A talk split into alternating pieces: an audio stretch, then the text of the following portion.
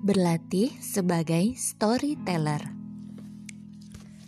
Para pahlawan itu tetap berpuasa. Abdullah bin Rawaha turut serta dalam perang Mu'tah saat ia berbaiat berjanji setia kepada Allah untuk terus bertempur sampai titik darah penghabisan. Pada saat itu ia sedang berpuasa.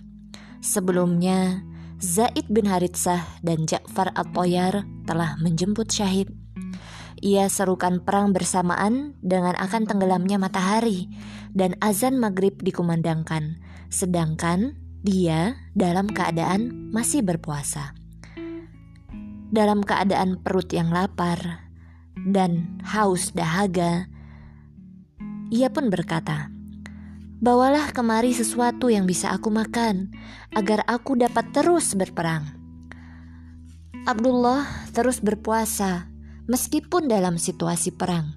Saat pedang-pedang berkilat, tombak-tombak beradu di atas kepala para pahlawan, sehingga ia pun melihat saudara-saudaranya terbunuh.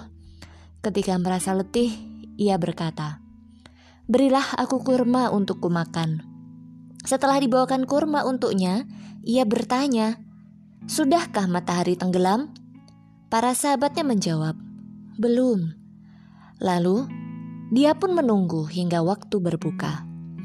Ketika matahari tenggelam, ia mengambil sesuap untuk dimakan. Namun, makanan tidak lagi terasa enak. Minuman tidak lagi berarti saat ia melihat begitu banyak saudaranya yang telah menjemput syahid di medan laga. Akhirnya, ia pun membuang sesuap yang ada di mulutnya di atas tanah.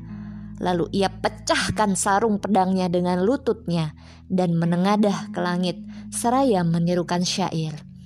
Jika manusia menimbang urusannya dan menahan sedih, bukankah engkau hanya setetes air di geriba? Mengapa ku melihatmu membenci surga? Kemudian ia pun berperang sampai tertebas oleh pedang, sementara ia dalam keadaan masih berpuasa. Masya Allah, saudaraku sekalian, lihatlah jiwanya, lihatlah Abdullah bin Rawaha, bagaimana ia terbang menuju Allah, bagaimana ia pula berpindah menuju Al-Hayyu Al-Qayyum. Lalu, apakah yang kita persembahkan untuk Islam?